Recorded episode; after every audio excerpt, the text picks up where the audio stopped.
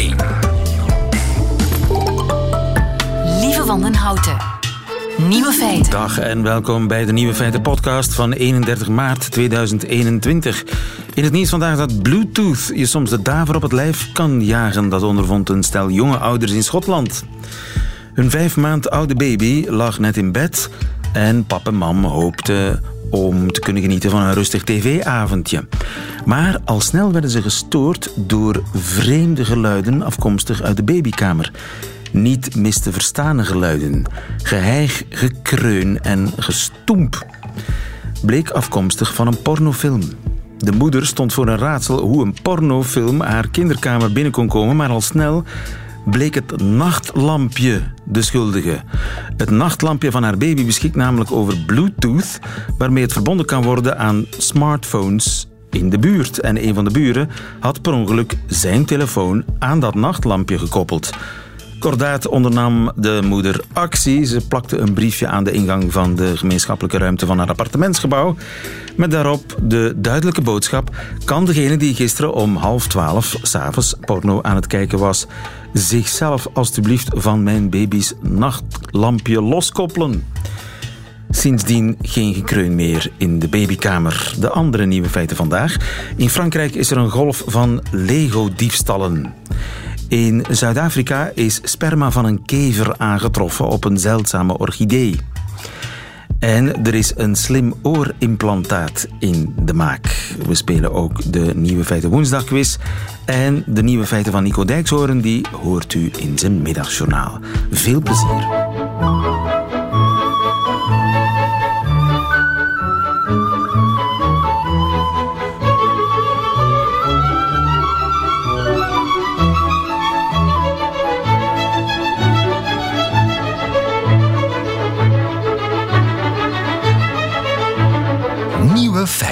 Er is iets eh, heel merkwaardig gebeurd in Zuid-Afrika, in de provincie KwaZulu-Natal.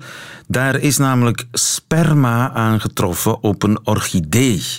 Op een hele zeldzame orchidee.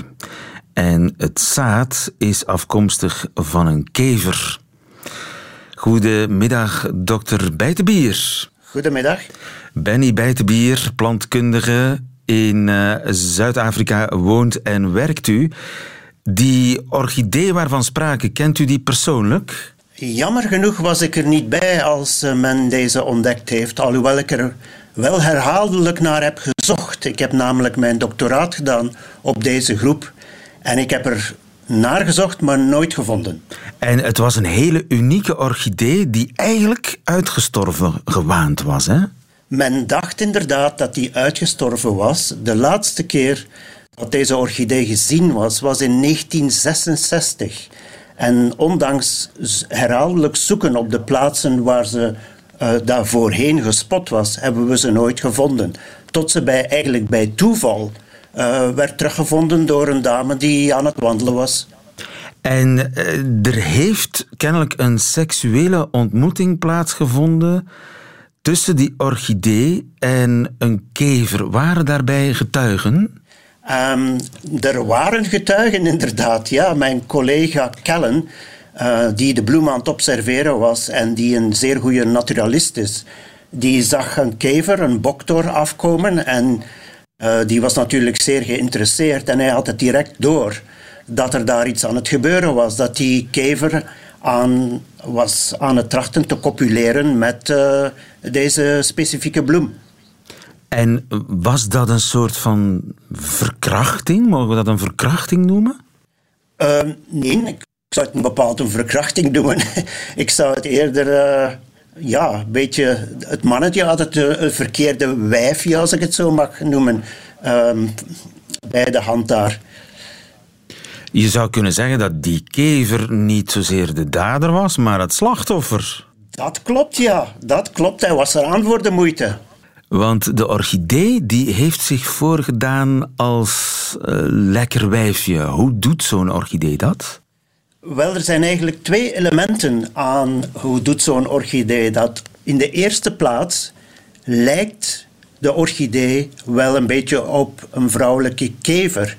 Maar veel belangrijker is um, de geurstoffen die deze orchidee verspreidt. trekken de mannetjes aan. En daar hebben we uh, veel studie naar gedaan. Dus het is een soort ferormoon dat de orchidee verspreidt en dat het mannetje laat denken dat er een vrouwtje in de buurt is. Maar ze heeft ook, die orchidee, de vorm van een wijfje. Dus er is echt een anatomische aanpassing bij die orchidee, opdat die kever zijn geslachtsorgaan daarin zou passen. Juist. De, de twee zijn um, ongeveer even groot. Zo, dus uh, de bloem van deze orchidee is ongeveer zo groot als het, het wijfje kever. En alle elementen lijken erop, um, lijken op het wijfje. Zo heb je bijvoorbeeld de bloembladeren die heel fijn zijn en waarbij de mannelijke kever denkt dat het eigenlijk de antennes van een vrouwelijke kever zijn. En uh, daar gaat hij een beetje in bijten en gaat hij een beetje mee spelen als wat hij normaal zou doen uh, indien hij een wijfje tegenkomt. Ja. En hij heeft ook daadwerkelijk geëjaculeerd. Ja, dat uh, is natuurlijk zeer spectaculair, want hij had het helemaal verkeerd voor. En wij hebben dat kunnen bewijzen. Wij hebben dus uh, inderdaad het sperma van die mannelijke boktor teruggevonden op de bloem. Ja. En is het, daarom, is het die orchidee daarom te doen, om dat sperma? Nee, toch? Nee, dat is totaal onbelangrijk voor de orchidee zelf. Het is er voor de orchidee om te doen dat het mannetje heel dicht op de bloem gaat zitten. En terwijl het mannetje dat doet, gaat hij eigenlijk um, het stuifmeel oppakken van um, een bepaalde bloem. Nu, het stuifmeel bij de orchideeën is een beetje bizar. Het is niet het, het los, het poederig stuifmeel dat je kent van bij andere planten. Hier is het een, eerder een stuifmeelpakket. En dat stuifmeelpakket, normaal zijn het er twee, is verbonden met twee draadjes aan een beetje een plakkerig, een, een plakkerig plaatje, zal ik maar zeggen. En het is dat plaatje dat op de buik van de uh, Boktor gaat plakken. En zo neemt hij de stuifmeelpakketjes weg en gaat hij ze naar een andere bloem brengen, waar dan die stuifmeelpakketjes gaan vastplakken aan de stigma van een andere bloem. En bij het verlaten blijven die plakken in de stigma en wordt zo de, de bestuiving bewerkstelligd. Ja. Nu, orchideeën die hebben daar een handje van weg, hè, van het verleiden van insecten met seksuele geuren. Maar meestal doen ze dat toch met bijen, hè? Of, maar niet met, met torren. In de gevallen die wij kennen zijn het normaal gezien wespen, bijen of ook soms uh, vliegen. Maar de kever, uh, er was geen enkel geval, geen enkel geval bekend van kevers die vallen voor seksuele nabootsing. So, dit, is de eerste keer dat we echt bewijs hebben dat uh, deze kever uh, gaat de bevruchting of oh, de, de bestuiving doen terwijl hij denkt dat hij eigenlijk een vrouwtje aan het bevruchten is. Ja, de natuur zit vol bedrog. Hoe, hoe is het intussen met die hele zeldzame bloem? Wel, daar, dat weten we eigenlijk niet. Um, de plant zelf, de, de enige plant waarvan we weet hadden, is een jaar of twee um, naar boven gekomen en dan is ze verdwenen. En op, het, op de plaats waar ze stond, hebben onze mensen um, een, gat in de grond gevonden, maar men weet niet zeker of het misschien iemand ze uitgegraven heeft, of het misschien gewoon een dier is die op zoek was naar, naar de, de knolletjes uh, en misschien de plant heeft opgegeten. Oei, dus hadden we de, de, laatste orchidee van die soort, uitgestorven sinds 1966, is, is weer verdwenen. Wat moeten we nu? Moeten we nu besluiten dat die orchidee weer definitief is uitgestorven? Gelukkig niet. En dit kwam ook als een heel grote verrassing. Uh, wij hebben dat ferromoon nagemaakt. Uh, collega's in Duitsland zijn erin geslaagd om dat ferromoon na te maken. En als we dat ferromoon uh, in de natuur, als we dat, laten we maar zeggen, potten open doen en de geurstof laten vervliegen, dan komen die torren, die boktorren, uh, eigenlijk zeer snel naar geur toe. Likkebaardend. Hebben wij dat recent gedaan en wij, wij hebben verschillende boktorren gevonden die dat stuifmeelpakketje op een lichaam hadden. Aha. En dan zijn we gaan zoeken, kunnen we die planten... Er moeten dus planten in de buurt zijn, maar we hebben ze nooit gevonden. Zij droegen de, de sporen van een copulatie nog op hun lijf. Juist, ja. Ze hebben, ze hebben het bewijs dat er nog andere planten in de buurt zijn, maar we hebben de planten fysiek niet gevonden. Nee, maar ze zijn er en dat is toch al een uh, hele geruststelling. Benny uh, Bijtenbier, dankjewel voor dit uh, kleurrijke verhaal vanuit KwaZulu-Natal in Zuid-Afrika. Goedemiddag. Graag gedaan. Nieuwe feiten. De Franse politie waarschuwt voor een grote toename aan diefstallen van Lego. Goedemiddag, Peter de Smet. Goedemiddag, dag lieven. Peter, eh, naar het schijnt ben jij een grote fan van Lego. Uh, dat is zachtjes uitgedrukt, ja. Je bent een verzamelaar van Lego. Uh, een verzamelaar, uh, ja, een, een, een, een, verzamelaar, een liefhebber. het is een passie. Je hebt een zolder vol. Uh, een kamer. Een Mijn kamer, kamer staat vol, ja. ja. En, en, waar ben je het meeste trots op?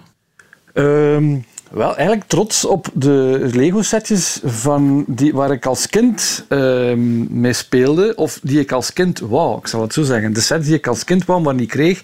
En die ik nu op uh, tweedehands sites uh, vind en zo aan mijn collectie kan toevoegen. Ja, uh, wraak op de kindertijd. Dat, dat is een, een, een, drijfveer. Ook voor mensen, denk ik, met, die met hele oude auto's rondrijden. Ja, maar dat is weer een ander verhaal.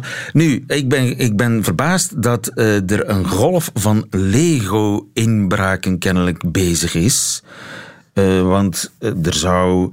Uh, vorig jaar bijvoorbeeld zijn er drie Polen opgepakt in Frankrijk. Mhm. Die Lego uit winkels stalen. En die zouden het voetvolk zijn van een grote internationale bende. Is er, is er een soort Lego-maffia bezig?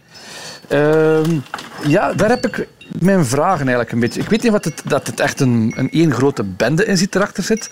Uh, ik weet wel, het is, ja, Lego is, is niet goedkoop. Het is een duur speelgoed. Ik denk dat het bij veel mensen gewoon de ogen uitsteekt van hier valt geld mee te verdienen op een, op een lusje manier. Uh, en ik weet niet wat het een bende is. De Franse politie waarschuwt wel voor een bende. Uh, maar ik heb daar mijn vragen bij. Ik denk dat het misschien een algemeen probleem is. Ja, maar ik, ik had geen idee dat daar zoveel geld in omging in de Lego-business. Eh, in Amerika is, is, er een overval gebeurd. De buit bedroeg 180.000 euro voor 180.000 euro Lego. Dat is ja, gigantisch? Ja, ja, ja, ook om, ja het, is, dat is, een, het is een duur speelgoed. Als je ziet dat sommige dozen nu al boven de 200, 300 euro per stuk komen in de winkel, alleen nog maar in de winkel, dan heb ik het nog niet over vintage Lego of tweedehands Lego. Die prijzen die gaan nog veel hoger. Uh, Hoe hoog gaan die prijzen?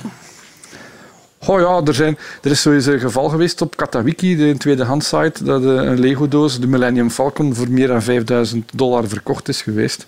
Uh, een doos die in de winkel 500 uh, eh, euro, of 500 tot tussen 500 en 800 dollar kostte. Dus dat is maal 10. Uh, dat, we die, dat die prijzen. Dat is natuurlijk dat is nog maar één keer gebeurd, maar er zijn zo nog Lego-sets die op tweedehands sites door verzamelaars, dat er veel geld voor gegeven wordt, gevraagd wordt. vragen is één ding, geld aangeven is nog iets anders. Ja, ja. Maar, maar... En dat steekt natuurlijk, dat, dat, dat gebeurt allemaal online op tweedehands sites, eBay en zo mensen die, die kunnen dat online ook volgen en zien van die sets die gaan veel geld. Um, dus die zien dat in de winkel staan en of, of die gaan zelf op zoek uh, naar mensen die op die online, op die sites te koop staan met hun, met hun stuff. Uh, zoeken die adressen op en, en, en gaan die proberen zo. Ja. Jeetje. Maar er bestaan Lego-beleggers. Dat bestaat. Ja, ja tot, tot mijn spijt bestaat dat, ja. Uh, dus mensen die nieuw uh, Lego speelgoed kopen, dat onuitgepakt in de doos laten zitten, in de hoop dat het binnen een jaar of vijf vertienvoudigd is aan prijs. Ja, ja, ja, ja dat klopt. Zo mensen bestaan ook. Uh, ik probeer die ook altijd een beetje uh, het tegendeel te bewijzen. Dat het geen goed idee is van op die manier. Lego is om te bouwen, Lego is om te spelen. Uh, Lego is geen investering. Maar ja, helaas, er zijn nu eenmaal mensen die, die, die, die geld geroken hebben en, en uh, die, die die sets opkopen om te stockeren als investering. Um, En er zijn dus ook dieven die op zoek zijn om die sets te stelen en, en zo zelf te verkopen uh, op internet. Ja, want het is natuurlijk makkelijker om te stelen en door te verkopen dan, dan een computer, hè? dan een laptop of, of een, een gsm. Dat is, dat is ja, iets minder. Ja, want, want, want dat, laptops, gsm's, die zijn beveiligd. Uh, er kun je niet zomaar, in, in, als je een laptop opent, moet een paswoord ingeven. Die hebben een serienummer. Uh, probeer maar eens te bewijzen als uw Lego gestolen is dat dat uw Lego is die te koop staat op die website. Ja. Uh, je kunt dat niet traceren. Je kunt, het, je kunt natuurlijk wel op zoek gaan naar... Ja, ik, ik ben mijn, mijn, mijn, trein is gestolen. Je gaat op zoek naar dat type trein. Je ziet allemaal die verkopers. Maar probeer maar te bewijzen van... Dat is mijn trein die daar te koop staat. Dat gaat niet. Uh, of je moet al je blokjes beginnen markeren of, of, of op een of andere manier aanduiden, maar begint maar eens. Hè. Ja, en uh, heb jij je uh, verzameling laten verzekeren, Peter? Mijn verzameling is verzekerd, ja. Maar dat is ook dat is heel omslachtig, want je moet, je moet foto's maken van al je stukken. je moet dat op een of andere manier bijhouden in een lijst. maar ja, het staat op foto van kijk, die trein is van mij, dat ruimteschip is van mij. Maar bewijs maar eens dat diegene die ermee gaat lopen is, dat dat uw, uw trein is en uw ruimteschip is. Ja. Uh, dat is een ik, ga, ik ga je geen exact bedrag vragen, maar we hebben het over tienduizenden. Nee. Nee, ah, wel, dat, dat, zal ik dus bijvoorbeeld, uh, ik, want ik ben me daar ook van bewust. Uh, ik, ik, loop ook soms in de kijker, ik kom op sociale media, ik kom op internet, nu ik kom op de radio. Ik sta bekend als grote Lego-verzamelaar. Dus ik zal ook nooit een bedrag plakken op, kijk, mijn collectie is zoveel waard, gewoon om die, die dieven af te, af te schrikken of, of, of, af te weren. Maar zit ze in een kluis? Uh, is, is er een, een brandveilige deur? Uh, bedoel, heb je andere voorzorgsmaatregelen nog, behalve verzekering?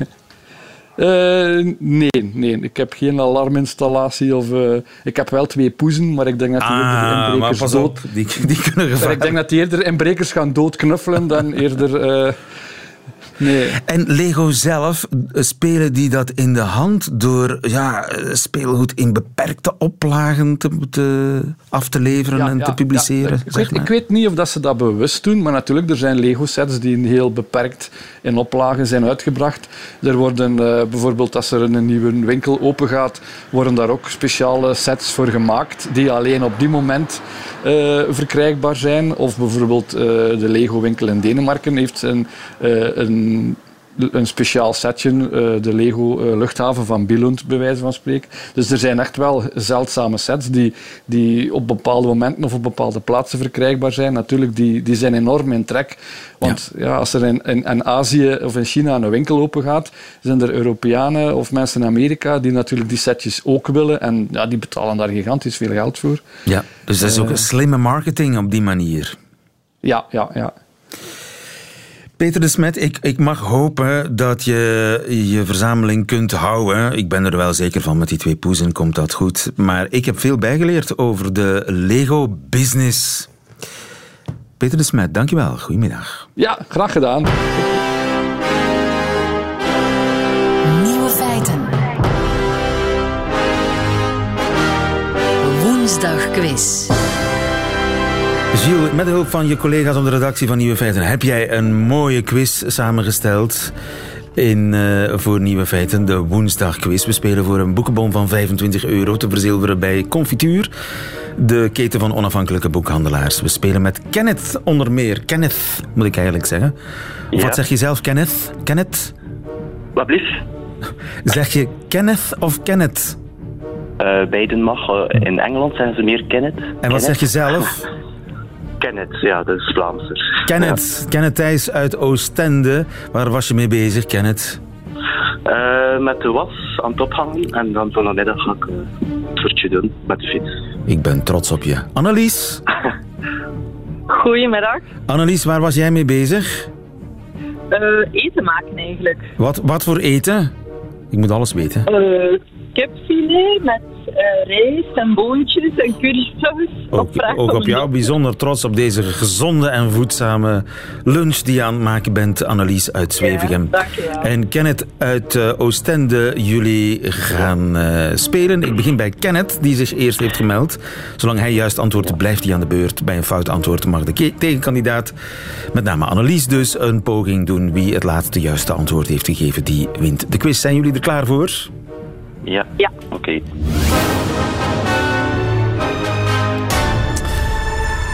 Wetenschappers hebben bij konijnen de genen gevonden die verantwoordelijk zijn voor hun typische manier van zich voortbewegen. Dat hoppen van konijnen. Dankzij welk konijn hebben ze die genen kunnen identificeren? A. Het konijn dat het wereldrecord heeft voor de verste sprong. B. Het konijnenras dat voortbeweegt door handstand te doen. Dus die wandelen op hun voorste pootjes. C. Een afgezonderde groep wilde konijnen. Een groep die regelmatig haasje overdoet. Wat denk je, Kenneth? Eh, ik eh, C, denk ik. Je denkt C. Fout. Annelies, wat denk jij? Ja, eh, ik denk B. Je denkt B. Dat is helemaal goed. Gilles? Is dat echt waar? Ja, ja, er is dus een ras konijnen, het Sauteur d'Alfort ras. Het Sauteur d'Alfort ras? Dat dus beweegt door in handstand te wandelen. En door de genen van dat ras te, te vergelijken met de genen van een normaal konijn, hebben ze kunnen identificeren welke genen dus voor het konijnenhoppen zorgen. En zijn daar prachtige beelden van, van dat- die hand, Ja, eh, handlopende zeker aan te raden om tijdens de lunchpauze een filmpje daarvan te bekijken. Annelies, vraag 2 voor jou. Wat is op dit moment het schaarste product van IJsland? A. Toiletpapier. B. Koffie. C. Drones.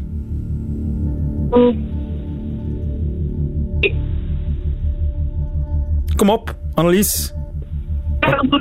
Oei, je, je, je, De drones. oh, je antwoordt de drones. Dat is helemaal goed. Want de lijn eh, liep even weg. Ja, eh, er zijn eh, veel vulkaanuitbarstingen. Of er is één grote vulkaanuitbarsting één- op ja, één IJsland. grote vulkaan dicht bij Reykjavik. En alle IJslanders willen daar prachtige dronebeelden van maken, waardoor alle drones zijn uitverkocht. Geen drone, drone meer te krijgen op IJsland. Vraag 3. Ik blijf bij Annelies. Hoe werd een van de meest gezochte mafiosi van Italië vorige week teruggevonden? A. Via een YouTube-filmpje waarin hij zijn kookkunsten toonde. B. Hij had zijn naam en die van zijn geliefde in een bekende boom gekrast. C. Hij was in de achtergrond te zien van een TikTok-filmpje van zijn dochter. Tje. Wat denk je, Annelies? A, B of C? A? Je denkt A. Dat is helemaal goed. Gilles? Hm, Ja, de man was eh, gevlucht naar de Dominicaanse Republiek. Maar als Italiaan hield hij natuurlijk van eten en koken. En hij wilde een beetje ja, eh, zichzelf uitsloven op het internet. Zette een filmpje online waarin zijn gezicht niet te zien was, maar zijn tattoos wel.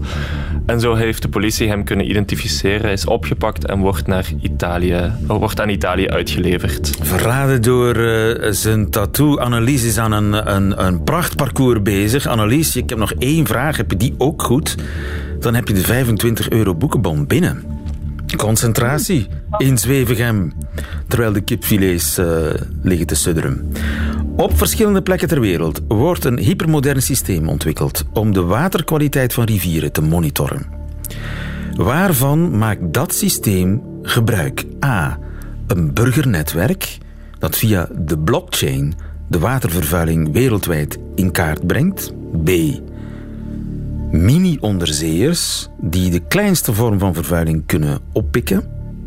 C. Mosselen die openen en sluiten zich naar gelang de vervuiling.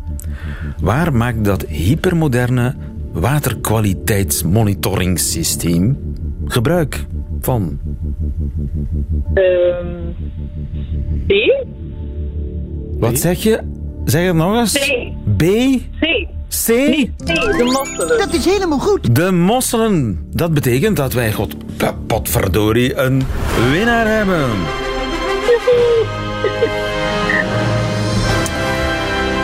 Annelies, Annelies, hoe heb je dat voor elkaar gekregen? Maar ik had een aantal van die dingen gelezen of gehoord zo. Ja. Wauw. La- de net is blijven hangen blijkbaar. En dat zelfs van die mosselen die zich sluiten en openen naar gelang de vervuiling, dat dat nu gebruikt wordt in een, eh, Ja. een gloednieuw hypermodern systeem, dat eh, wist Ja, je. zie niet, maar ik had ook een tipje gekregen van mijn zoon. Die, die een keer zei dat ik moest op B hokken ergens. Dus eh, ja, een... goeie Teamwork in eh, Zwevegem en wordt beloond met een boekenbon van 25 euro. Gefeliciteerd Annelies. En helaas Kenneth, van jou moet ik afscheid nemen met lege handen. Ja. Oké. Ik, ik hoop dat je je dag daardoor niet laat vergallen. Nee, zeker niet. Want Het is mooi weer. het is fantastisch weer. En willen de, iedereen die ook eens zo'n eh, woensdagquiz kan meespelen, dat kan zelfs online via radio1.be. Radio 1. Nieuwe feiten.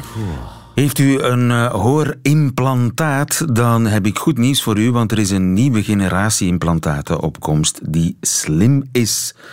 Goedemiddag, eh, professor Frankaar. Goedemiddag, lieve. U bent eh, neurowetenschapper aan de Universiteit van Leuven. Eerst en vooral, er is een groot verschil tussen een klassiek hoorapparaat en een implantaat. Hè? Wat is het verschil?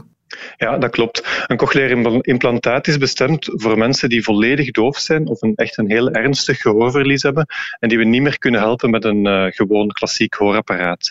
En wat we bij zo'n implantaat doen, is een implantaat implanteren in de cochlea, het slakkenhuis. En daar gaan we dan via elektrische stimulatie het, de gehoorzenuw stimuleren. En zo kunnen die mensen terug horen. Dus puur via elektrische stimulatie. Ja, dat is een kunstmatig oor, als het ware. En daar is een probleem mee. Wat is eigenlijk het probleem? Wel, om te beginnen, die dingen werken uitstekend, maar het kan nog beter. Um, een van de, van de moeilijkheden is dat zo'n systeem moet ingesteld worden voor een specifieke persoon, voor een specifiek gehoorverlies. En dat wordt gedaan door een audioloog in een ziekenhuis. Maar dat heeft best wel wat voeten in de aarde, dat kost, kost heel wat tijd, um, inspanningen, en dat kan dus ook niet heel frequent gebeuren. En um, met ons nieuw systeem hopen we om meer automatisch te kunnen doen en zelfs bij de mensen thuis automatisch afstellen van een implantaat? Want ja, dat implantaat is eigenlijk bijna een, een kunstmatig trommelvlies, mag ik dat zo uitdrukken? Goh, dat is misschien een beetje kort door de bocht, maar we gaan effectief wel een groot stuk van het normale gehoor ja, nabootsen en dan rechtstreeks de gehoorzenuw gaan, gaan simuleren. Ja. Dus we gaan effectief niet, geen gebruik meer maken van het trommelvlies. Ja, maar dat ding stuurt uh, signalen naar de hersenen, maar we weten natuurlijk niet hoe die hersenen daarop reageren. Of ze dat ja. echt ook vertalen naar een geluid zoals het zou moeten klinken. Voilà. En dat is waar onze nieuwe technologie dus uh, in de picture komt. Dus we hebben technologie gemaakt waarmee we hersengolven kunnen opmeten via zo'n cochleair implantaat. Dus we hebben geconstateerd dat zo'n zo cochleair implantaat, dat is, dat is daar al, maar dus dat wil zeggen dat er elektrodes zijn. En die elektrodes zitten heel dicht bij de hersenen. En dus via diezelfde elektrodes kunnen we dan hersengolven oppikken. En die hersengolven kunnen we gebruiken voor van alles en nog wat. Uh, en onze specifieke toepassing, waarbij, waar wij ons onderzoek naar doen, is om te proberen via die hersengolven zo'n implantaat beter in te stellen voor een individuele persoon. Dus ja. echt wel een, een slim implantaat te creëren dat op basis van, van de reactie op het geluid nog beter gaat stimuleren. En dus dat apparaat luistert niet alleen naar de buitenwereld, maar ook naar de hersenen, naar de binnenwereld. Ja, ja absoluut. Daar dus komt het eigenlijk op neer. Met de effecten, ja. Ja. En dat uh, is een enorme steun voor mensen die doof zijn. Zijn dat mensen die nooit gehoord hebben? Kunt u op die manier mensen echt een gehoor teruggeven? Ja, wel, er zijn twee belangrijke populaties. Ene zijn de kindjes die van bij de geboorte doof zijn. En die gaan we echt al vanaf één jaar oud zelfs een implantaat geven. En die kunnen zo een relatief normaal gehoor ontwikkelen. Dat is ene belangrijke categorie. Andere belangrijke categorie zijn typisch oudere mensen die gaandeweg hun gehoor verloren zijn. En dus die gaan dan ja, op latere leeftijd een, een, een implantaat krijgen. Maar die hebben wel zeker een, een substantieel deel van hun leven op een normale akoestische manier gehoord. Ja. En dus dat afstellen van die implantaten, dat gebeurt nu manueel, zeg maar, en dat zal in de toekomst automatisch gebeuren. Zal het resultaat ook beter zijn? Gaan die mensen ook uiteindelijk beter horen? Ja, dat is onze hoop natuurlijk. Hè. Um, wij hopen beter dat we dan op die dat de audioloog het zou afstellen? In eerste instantie misschien niet. Dus ik denk dat het in eerste instantie misschien sneller en gemakkelijker zal worden. Um, maar later gaat het ook mogelijk zijn om, om sneller veranderingen van het gehoor in rekening te brengen en ook veranderingen in situatie. Als ik nu van mijn kantoor naar een feestje ga, dan gaat mijn implantaat zich niet aanpassen. Maar ons systeem zou wel in staat moeten zijn om naar gelang de omgevingssituatie het implantaat echt aan te passen, zodat het beter uh, stimuleert voor, voor, de, voor de situatie en voor het gehoor van die persoon. Ik kan natuurlijk mijn audioloog niet altijd meenemen naar het feestje, ja. maar het, het, implantaat zou dat dus, uh, dus wel zelf moeten kunnen doen. Op het, is een, het is een implantaat dat zelf de oren kan spitsen. Of niet spitsen, Absoluut, of juist ja. wat meer. Want als je naar een feestje gaat met veel lawaai, ja, dan ga je automatisch eigenlijk je volumeknop, je beseft het niet, maar je, je oor gaat het, gaat het volume naar beneden draaien. Hè? Ja, dat, dat is inderdaad ongeveer wat er gebeurt bij, een, bij een, een normaal akoestisch gehoor, maar wat inderdaad nu met een cochleair implantaat nog niet het geval is. En dus wij hopen met deze nieuwe technologie dat het ook mogelijk zal worden. Dat zit nog in de experimentele fase? Oh ja, het is dus nog zeer experimenteel. Dus op dit moment hebben we vooral aangetoond dat het mogelijk is om hersensignalen te meten via die elektroden van zo'n cochleair implantaat. En in ander onderzoek hebben we een heel aantal stappen gezet om automatisch die, die instellingen van het cochleair implantaat aan te passen.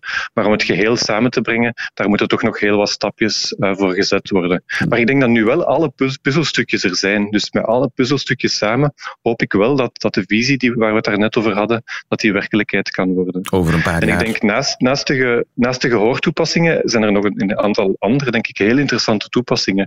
Zo het meten van hersensignalen, dat is, dat is een hot topic op het moment. Daar is van alles mee mogelijk. Um, dus we kunnen daar onze implantaten mee gaan instellen, maar je kan ook denken aan, aan be, be, bepaalde brein-computer interfaces, waarbij je met je hersenen bepaalde informatie aan een computer kan geven. Bijvoorbeeld, het kan iets simpel zijn als zet mijn implantaat luider of stiller, of het kan iets complexer zijn als neem de telefoon op. Dus ik zie echt een heel scala aan mogelijkheden met, met het chronisch meten van EEG via zo'n implantaat. Je zou bijvoorbeeld ook als uh, doofstomme mens een tekst kunnen dicteren, bij wijze van spreken. Dat is de, de heilige graal natuurlijk hè, van de brein-computer interfaces. Maar ik sluit niet uit dat dat ooit mogelijk is met dit soort technologie. De toekomst zal het uitwijzen. In ieder geval de, puzzels, de puzzelstukken voor een slim implantaat, die zijn er. En de puzzel zal binnen afzienbare tijd gelegd worden. Tom Frankaar, mag je er heel veel succes mee wensen. Goedemiddag, dankjewel. Hartelijk dank. Nieuwe feiten. Dat waren ze, de nieuwe feiten van 31 maart 2021. Alleen nog die van Nico Dijkshoorn hoort u nu in zijn middagjournaal. Nieuwe feiten. Middagjournaal. Beste luisteraars. Een uur geleden stond ik nog voor een caravan en hoorde ik vogels. Ze klonken allemaal alsof ze al waren gevaccineerd. Het zit namelijk zo. Als ik weer even wakker moet worden geschud en als ik mij te diep heb teruggetrokken in mijn stenen bunker te Leiden, dan reis ik daar naartoe, onze caravan. Nou ja, reis acht minuten op de fiets. Caravan.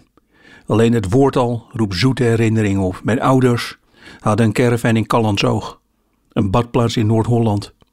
Ik heb daar geleerd met andere mensen om te gaan, om net te doen alsof je dat leuk vindt. Opeens had ik twaalf vrienden en vriendinnen. Allemaal hadden we van onze ouders ochtends een zet in onze rug gekregen. Ga jullie maar iets leuks doen, laat pap en mama even een dagje alleen.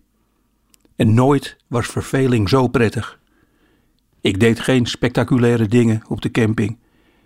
We lagen een beetje in het gras en we vertelden elkaar verhalen vol sluimerend verlangen naar eindelijk een schaamhaar en een snor. We oefenden tongzoenen op elkaars arm.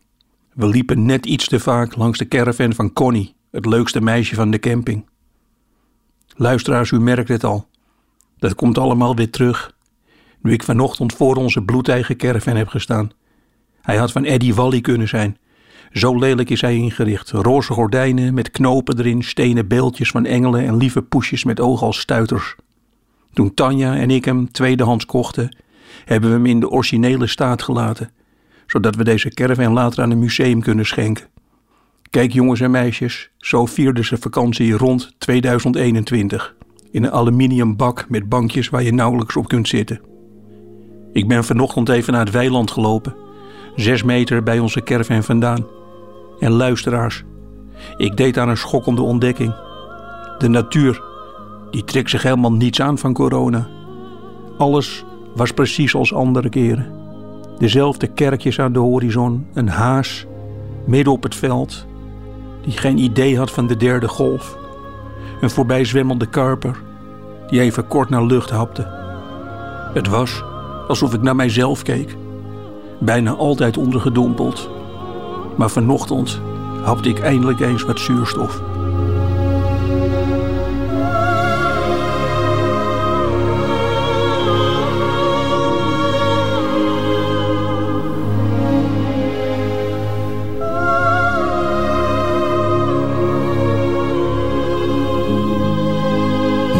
Dijkshoorn, net niet vanuit zijn caravan. Einde van deze podcast. Wilt u liever de volledige uitzending van Nieuwe Feiten horen met de muziek erbij? Dat kan natuurlijk via onze site radio1.be of via de Radio 1 app. Daar vindt u overigens nog veel meer boeiende podcasts. Tot een volgende keer.